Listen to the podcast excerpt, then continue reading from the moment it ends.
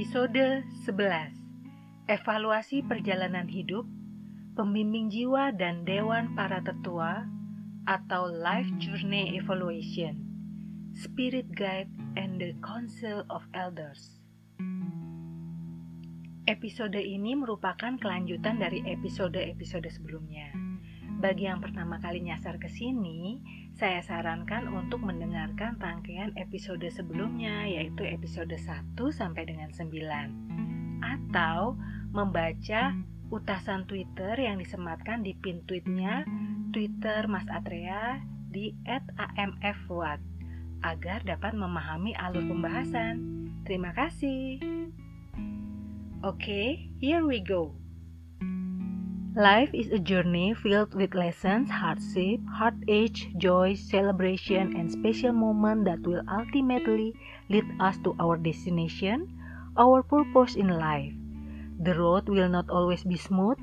In fact, throughout our travels, we will encounter many challenges. By Shannon Spamber. Setelah jiwa menjalani proses penyembuhan berupa rehabilitasi dan restorasi energi, Sebagaimana yang telah dibahas di episode 9, tahap yang harus dilalui oleh jiwa yang baru saja meninggalkan bumi adalah sesi evaluasi. Sesi evaluasi merupakan satu proses tahapan di mana jiwa bersangkutan melakukan review atau tinjauan terhadap perjalanan kehidupan inkarnasi yang baru saja ia lalui. Sesi evaluasi ini terbagi menjadi dua tahap. Pertama, secara privat dengan pembimbing jiwa atau spirit guide, dan yang kedua, disidang oleh banyak jiwa tuanan bijak yang terkumpul dalam dewan para tetua atau Council of the Elders. Pertama, sesi evaluasi secara private dengan pembimbing jiwa. Untuk sesi ini sebenarnya pernah dibahas di episode 3 yaitu pembimbing jiwa.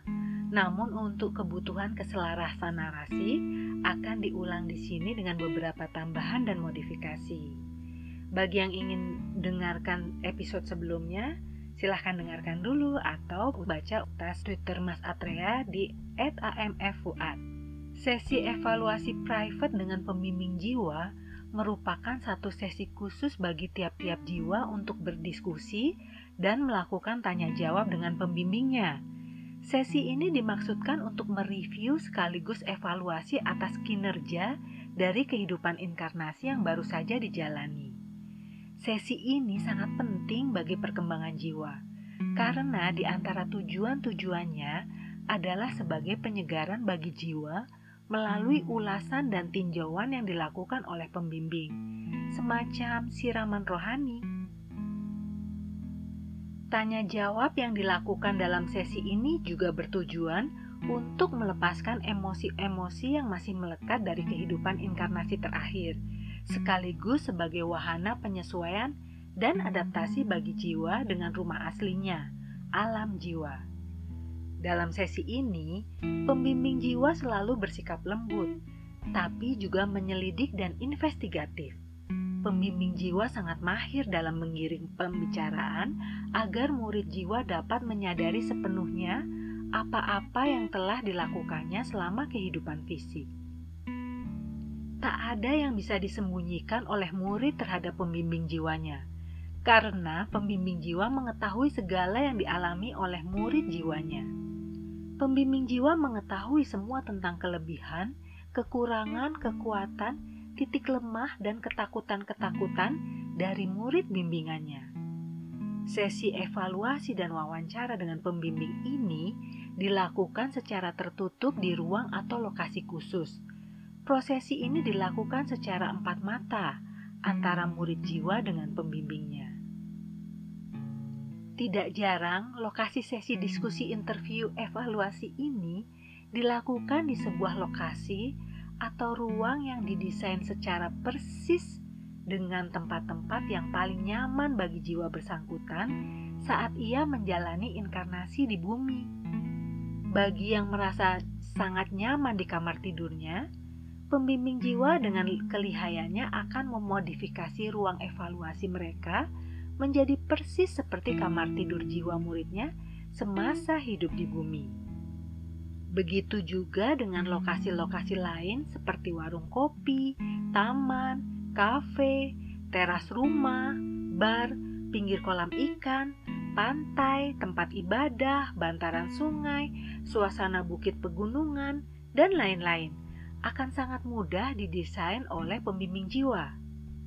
Dekorasi lokasi dan suasana yang mirip dengan bumi ini dilakukan oleh pembimbing jiwa tak lain agar dapat membuat suasana senyaman mungkin bagi murid jiwanya.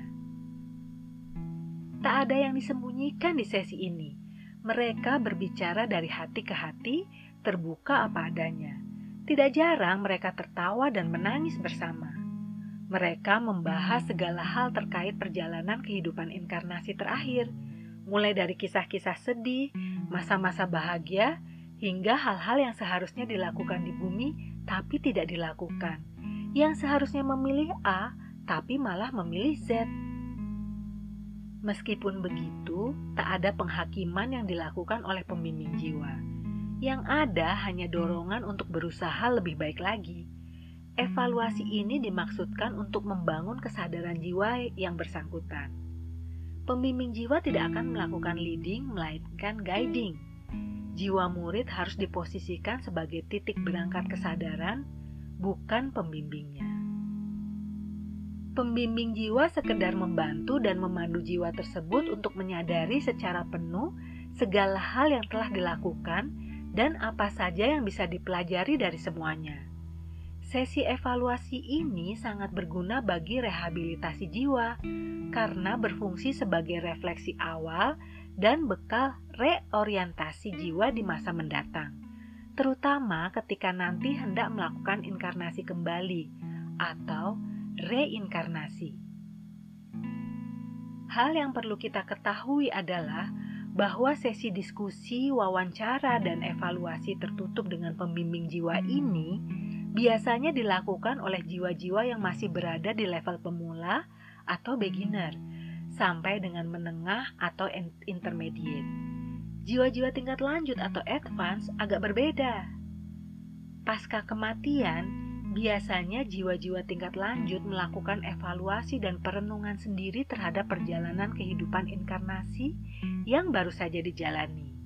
Ketika sudah memiliki bahan yang cukup, mereka akan meminta pembimbing jiwa untuk hadir guna mendiskusikan hasil perenungan ini.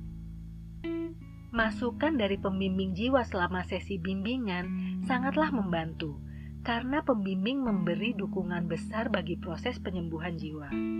Namun, hal ini tidak berarti hambatan-hambatan yang menghalangi jiwa untuk maju sirna sepenuhnya. Jiwa tetap perlu berjuang keras untuk mencapai perkembangan kedewasaan dirinya sendiri pembimbing jiwa sekedar memandu dan mengarahkan. Saat evaluasi dan diskusi sudah dianggap cukup, maka sesi ini dinilai telah selesai. Selanjutnya, jiwa akan diantar pulang menuju rumahnya, yakni kelompok jiwanya. Namun, sebelum menuju ke sana, jiwa dan pembimbingnya akan menuju ke sebuah lokasi yang berfungsi sebagai tempat transit. Jiwa-jiwa yang baru saja menyelesaikan kehidupan atau inkarnasi dan telah menyelesaikan sesi evaluasi dengan pembimbingnya akan menuju lokasi transit ini sebelum mereka dapat melanjutkan perjalanan ke kelompok belajar masing-masing. Lokasi transit ini merupakan tempat yang sangat luas. Di tempat inilah jiwa-jiwa dikumpulkan, kemudian dipilah sesuai tujuan atau jurusan masing-masing. Analogi mudahnya, tempat ini seperti terminal bus yang sangat besar. Jiwa-jiwa yang datang ke lokasi transit ini dikelompokkan berdasarkan tujuan akhir di mana mereka akan berlabuh, yakni kelompok jiwanya masing-masing. Di sanalah mereka nanti akan berpulang dan berkumpul dengan teman-teman satu kelompoknya. Tempat transit ini nampak sangat ramai, tapi efisien Sedemikian banyaknya jiwa yang keluar masuk di tempat ini tetap tidak menyebabkan kemacetan sebagaimana di kota-kota besar di bumi. Jiwa-jiwa muda pemula umumnya perlu diantar dan dipandu oleh pembimbingnya untuk sampai ke lokasi transit ini. hingga sampai ke kelompoknya. Namun tidak demikian dengan jiwa-jiwa tua lanjut yang sudah relatif hafal akan rute yang harus dilalui. Kalaupun toh jiwa-jiwa muda tidak diantar oleh pembimbingnya, mereka tetap tidak akan tersesat. Mengapa? Karena di alam jiwa sudah ada setting otomatis yang memperjalankan jiwa menuju lokasi-lokasi tahapan yang harus dilewati. Dengan kepasrahan total, jiwa akan merasakan sensasi seperti ditarik oleh tarikan yang sangat halus dan lembut. Jiwa hanya perlu pasrah dan mengikuti ke mana tarikan itu mengarah. Adapun pemandangan di lokasi transit ini umumnya tidak jauh berbeda dengan lokasi lain di alam jiwa, yakni banyak dijumpai kabut-kabut putih dan awan tipis yang berpadu dengan cahaya-cahaya berwarna beragam yang berkilauan. Tiap-tiap jiwa dikumpulkan dan dikelompokkan berdasarkan jurusan atau tujuannya. Kerumunan jiwa-jiwa ini nampak seperti kumpulan cahaya bintang yang bergerak ke segala macam arah. Dari kejauhan, kadang terlihat seperti segerombolan kunang-kunang yang berkilauan layaknya di bumi. Tidak jarang di lokasi transit ini, jiwa berpapasan dan bertemu dengan jiwa lain yang pernah dikenalnya saat sama-sama bereinkarnasi di bumi. Layaknya di lokasi-lokasi lain di alam jiwa, yang terasa bagi para jiwa di tempat ini adalah harmoni dan keteraturan. Sangat berbeda dengan di bumi, di mana banyak ditemui keruwetan dan kekacauan. Setelah pengelompokan jiwa di tempat transit sudah dianggap selesai, maka jiwa-jiwa itu mulai diberangkatkan menuju kelompoknya masing-masing, rumah belajarnya masing-masing. Seringkali pembimbing jiwa turut membersamai mereka, mengantar mereka. Di tengah perjalanan menuju tujuan akhir atau kelompok belajar, para jiwa dapat melihat kelompok-kelompok belajar lain yang terdiri dari jiwa-jiwa yang sedemikian banyaknya. Ibarat para penumpang bus yang melewati dan melihat banyak desa sebelum mereka sampai di desanya sendiri. Kelompok-kelompok jiwa itu nampak seperti sekumpulan buah anggur yang memendarkan cahaya Masing-masing kelompok tidak dipisahkan oleh tembok atau bangunan, melainkan sekedar seperti kawat pijar tipis, layaknya gelas bercahaya yang terbuka dan transparan. Warna-warna cahaya jiwa di tiap-tiap kelompok berbeda-beda sesuai dengan tingkat atau level pencapaian kesadaran yang telah diraih. Dan jiwa-jiwa yang berada di dalam satu kelompok merupakan jiwa yang tingkatan levelnya relatif sama. Seiring berlalunya perjalanan, melewati kelompok demi kelompok, maka sampailah para jiwa ke kelompok belajarnya masing-masing. Di sana, mereka disambut dengan sukacita oleh teman-teman satu kelompoknya. Tak ada permusuhan dan tak ada kebencian. Yang ada hanyalah kehendak untuk bertumbuh, saling membantu, dan saling menopang agar dapat berkembang bersama-sama.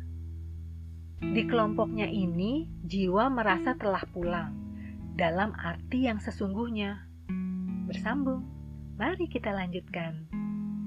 Kedua, evaluasi melalui sidang dengan Dewan Para Tetua atau The Council of Elders. Setelah berkumpul dengan teman-teman satu kelompok, jiwa yang baru saja kembali tidak bisa berlama-lama di kelompoknya karena ia harus menjalani tahap akhir dari rangkaian tahapan panjang bagi jiwa yang baru saja kembali dari bumi. Tahap akhir evaluasi ini adalah sidang dengan dewan para tetua. Saat waktunya evaluasi dengan para anggota dewan tiba, pembimbing jiwa akan memberitahu murid jiwa dan mengantarnya. Jiwa akan dibawa menyusuri koridor panjang hingga sampai pada sebuah gang atau hallway yang agak besar sebelum masuk ke ruang tunggu. Sekeliling gang ini nampak seperti kaca transparan yang bercahaya warna-warni. Ton pencahayaan agak berwarna keemasan. Seringkali jiwa mendengar sayup-sayup suara musik instrumen dan paduan suara yang mengalun lembut. Suasananya menentramkan jauh dari kata mencekam. Sesampainya di ruang tunggu yang berbentuk seperti atrium jiwa menunggu giliran. Di sana ia dapat melihat sekeliling ruangan yang banyak dipenuhi tumbuh-tumbuhan yang cantik dan juga terdapat air mancur dengan banyak gelembung yang sangat indah. Saat waktunya tiba, pembimbing jiwa akan lanjut mengantar jiwa masuk ke ruang evaluasi yang di dalamnya ada para anggota dewan yang telah menunggu. Mereka duduk di balik meja persegi panjang yang melengkung seperti bulan sabit. Ruangannya berbentuk lingkaran dengan langit-langit yang sangat tinggi. Dari atas memancar cahaya yang menerangi ruangan seperti lampu terang yang berpijar. Jiwa yang akan dievaluasi berdiri di tengah-tengah, tepat berada di hadapan para anggota dewan. Ia didampingi oleh pembimbing jiwanya yang berdiri di sisi kiri belakangnya. Untuk memudahkan imajinasi, kalau ingin melihat denahnya, bisa lihat di tweetnya Mas Atrea ya. Istilah konsil dan elders ini memang bukan istilah baku. Newton mendapat banyak penamaan terhadap jiwa-jiwa tua ini dari hasil praktiknya selama bertahun-tahun. Di antaranya The Old Ones, The Sacred Master, The Venerables, The Examiners, The Committee, and The Wise Ones. Namun memang dari sekian banyak istilah yang dirangkum Newton dari kesaksian klien-kliennya, yang paling banyak presentasinya adalah dua kata, konsil dan elders, sehingga dua kata ini digabungkan dan menjadi istilah yang Newton gunakan.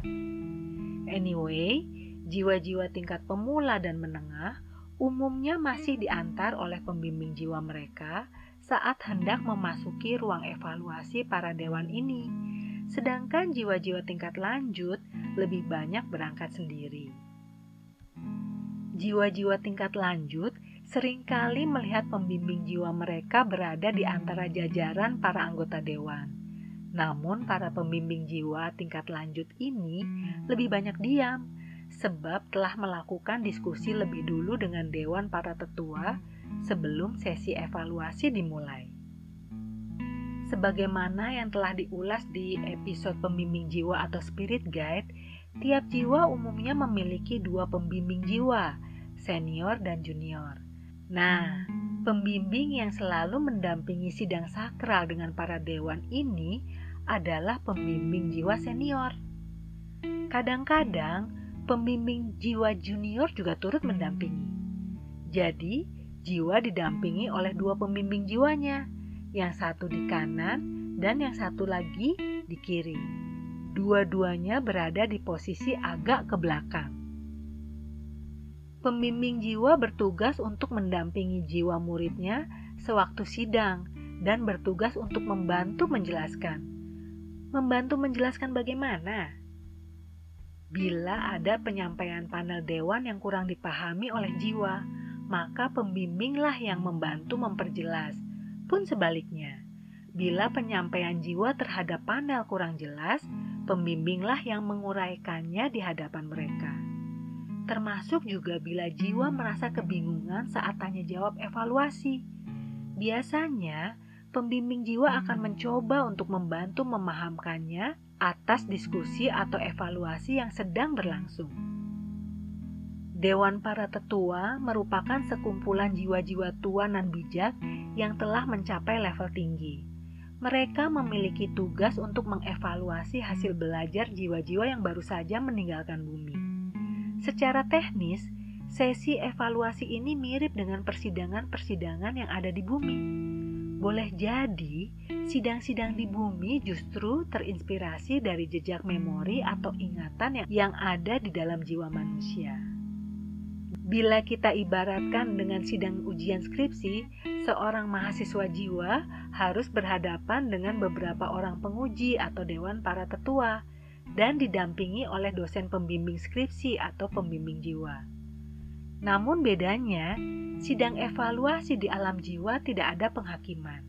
Dewan para tetua tidak menuntut ataupun memfonis, melainkan hanya mengevaluasi hasil pembelajaran jiwa selama inkarnasi terakhir di bumi. Dewan ini biasanya terdiri dari 3 hingga 12 anggota. Jiwa-jiwa tingkat pemula menengah umumnya dievaluasi oleh dewan yang beranggotakan 3 sampai 7 tetua. Sedangkan jiwa-jiwa tingkat lanjut disidang oleh 7 sampai 12 tetua.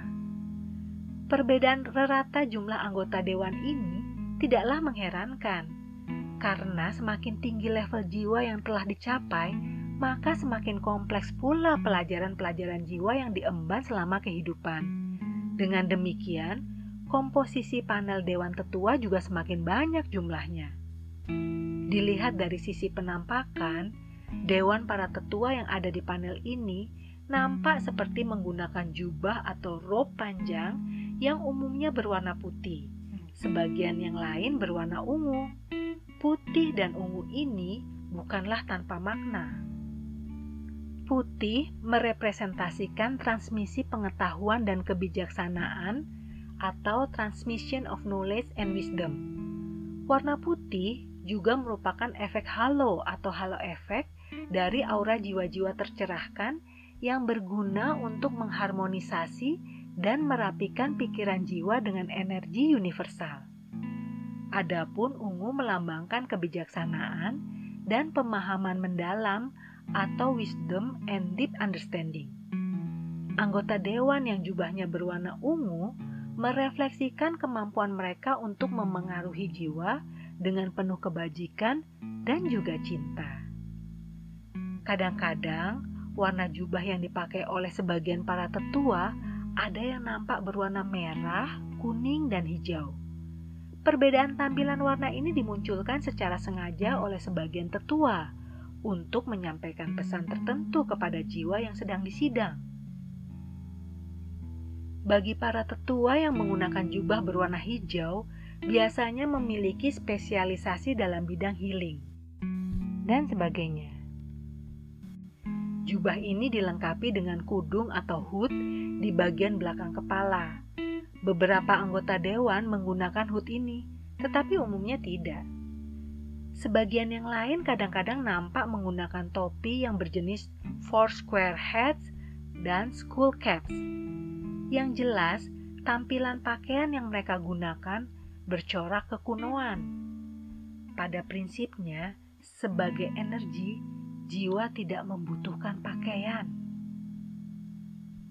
Penggunaan jubah oleh para tetua ini sekedar simbol dari martabat dan kehormatan yang mereka miliki sebagai jiwa-jiwa tua dan bijak yang bertugas untuk menuntun dan mengevaluasi jiwa-jiwa yang baru saja kembali.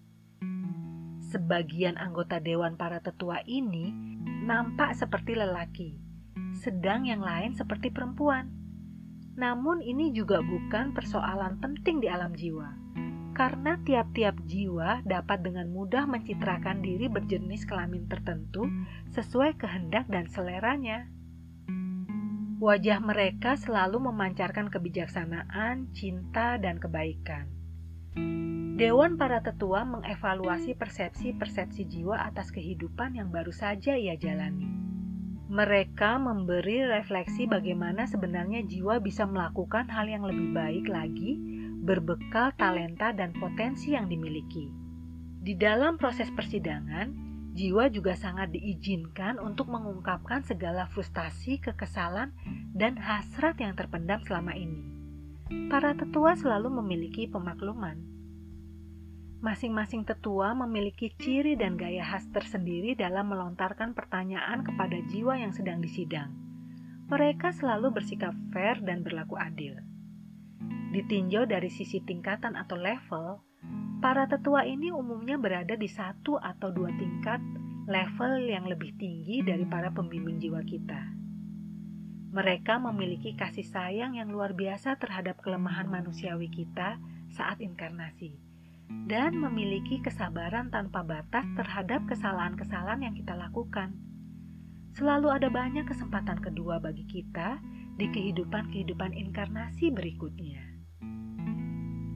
Dewan para tetua tidak begitu peduli pada seberapa banyak kita jatuh dalam progres kehidupan, melainkan melihat sejauh mana kita berani untuk bangkit dan tetap kuat.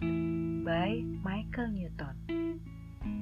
Di sisi evaluasi ini, pilihan-pilihan hidup yang kita ambil ditinjau secara sesama.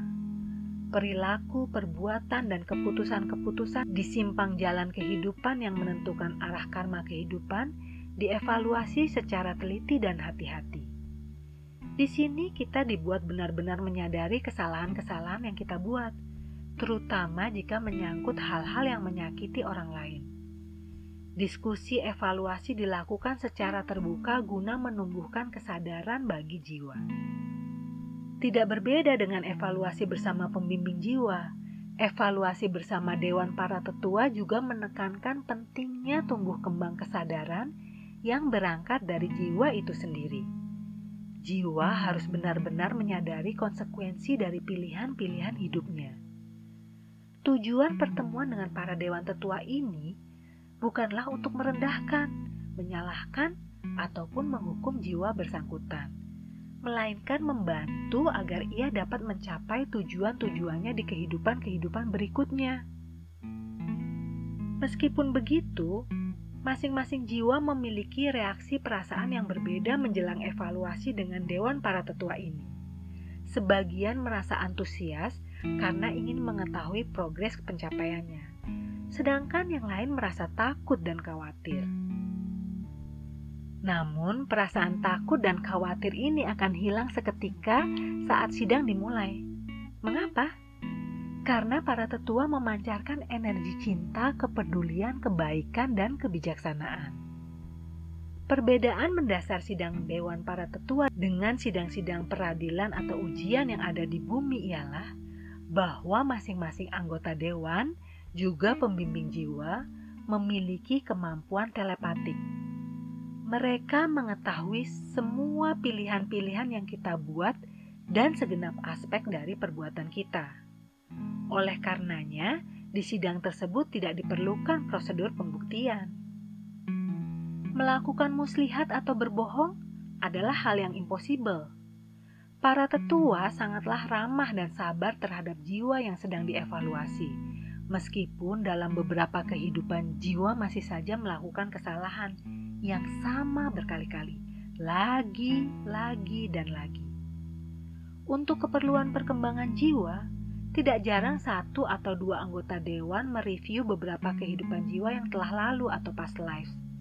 Tidak hanya sekedar satu kehidupan terakhir yang baru saja dijalani Review terhadap past life ini dimaksudkan untuk meninjau sejauh mana progres yang telah diraih secara akumulatif dari aspek-aspek mana saja yang perlu diperbaiki. Selain tampilan warna jubah, posisi duduk para tetua di meja panel juga memiliki maksud. Tetua yang duduk tepat di tengah dan berhadapan secara lurus dengan jiwa yang sedang dievaluasi biasanya merupakan tetua yang paling dominan dalam berinteraksi langsung dengan jiwa semacam ketua sidang merangkap moderator. Sebaliknya, semakin posisi duduk anggota dewan berada di pinggir, semakin tidak terlalu dominan dalam interaksi langsung. Terkadang, para tetua ini menitipkan pertanyaan-pertanyaan melalui tetua-ketua sidang tadi. Komposisi anggota dewan yang mengevaluasi jiwa-jiwa yang baru saja mati juga bervariasi antara satu jiwa dengan yang lain bahkan dengan sesama rekan satu kelompok jiwa sekalipun. Seperti saat seseorang menjalani sidang ujian skripsi dibandingkan dengan teman-teman satu kelas. Komposisi dewan penguji yang dihadapi pasti berbeda-beda orangnya. Jangankan perbandingan dengan jiwa lain satu kelompok atau beda kelompok, jiwa yang sama akan menghadapi komposisi anggota dewan yang berbeda-beda di tiap siklus kehidupan yang baru saja dijalani.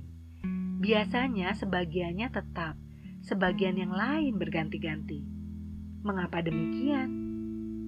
Hal ini didasarkan pada kebutuhan dan kepentingan pengembangan masing-masing jiwa yang memiliki sisi keunikan dalam dirinya.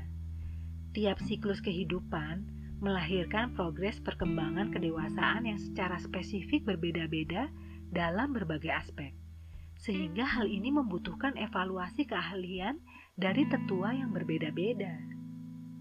Dibandingkan kedekatan dengan pembimbing jiwa, jiwa merasa ada jarak dengan dewan para tetua ini.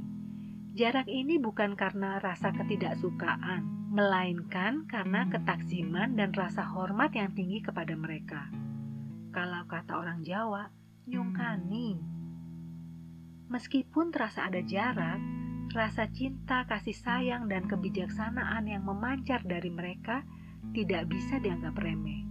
Mereka sangat peduli bagi perkembangan jiwa yang sedang dievaluasi. Semua aspek kehidupan akan diulas di sidang ini, walau penekanan terhadap satu hal dengan yang lain akan berbeda-beda.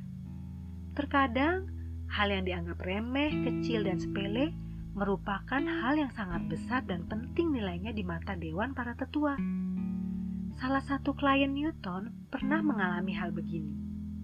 Saat menjalani hipnosis regresi dengan Newton, klien ini mendeskripsikan pengalaman jiwanya disidang oleh para tetua atas kehidupan yang lalu atau past life. Dalam kesaksiannya di hadapan para tetua, banyak hal baik yang telah ia lakukan semasa hidup, termasuk banyak berderma, banyak bersedekah, dan lain-lain. Namun ada satu hal baik yang terlupakan olehnya. Para tetua mencoba untuk memantik memorinya akan sebuah peristiwa di mana ia pernah menolong orang lain dan itu sangat diapresiasi dan dinilai tinggi oleh para tetua. Ia mencoba mengingat-ingat, tapi tetap saja lupa. Akhirnya, satu dari anggota dewan mengirimnya visual, gambar, atau video yang menampilkan secara utuh peristiwa tersebut. Ia perlahan-lahan mulai ingat bahwa peristiwa itu memang benar-benar pernah ia alami.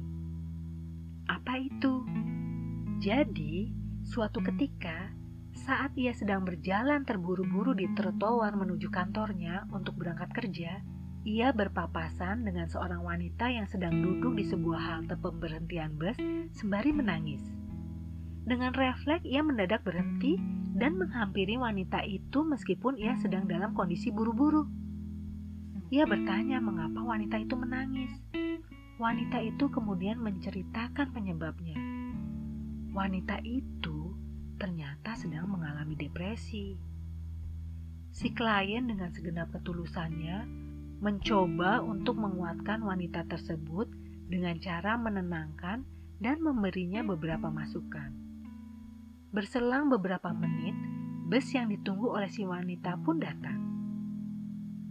Si wanita kemudian berdiri, berterima kasih kepadanya, dan berkata bahwa dia akan baik-baik saja.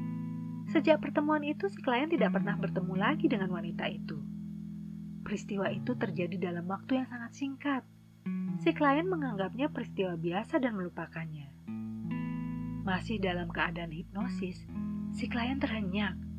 Ternyata peristiwa menenangkan orang depresi yang menurutnya hanya hal remeh dengan sekedar berbincang tanpa memberi sepeser uang pun mendapat perhatian dan nilai yang begitu besar di hadapan para tetua, yang justru ia sendiri malah lupa.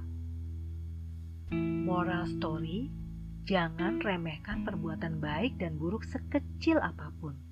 Karena hal kecil yang sering kita anggap remeh itu boleh jadi merupakan hal besar yang memengaruhi perkembangan dan proses kedewasaan jiwa kita. In the spirit world, nothing is insignificant. No act goes unrecorded by Michael Newton. Setiap hari ibadah, setiap hari kita mencari berkah, setiap hari ibadah, setiap hari kita mencari berkah. By Susilo Bambang Yudhoyono, Presiden ke-6 RI, pada pidato kontemplasi SBY 9 September 2019. Sekian dan selamat malam. Terima kasih banyak telah menyimak segenap kebaikan untuk kalian. Damai di hati, damai di bumi, damai di jiwa, damai di alam semesta. Namaste.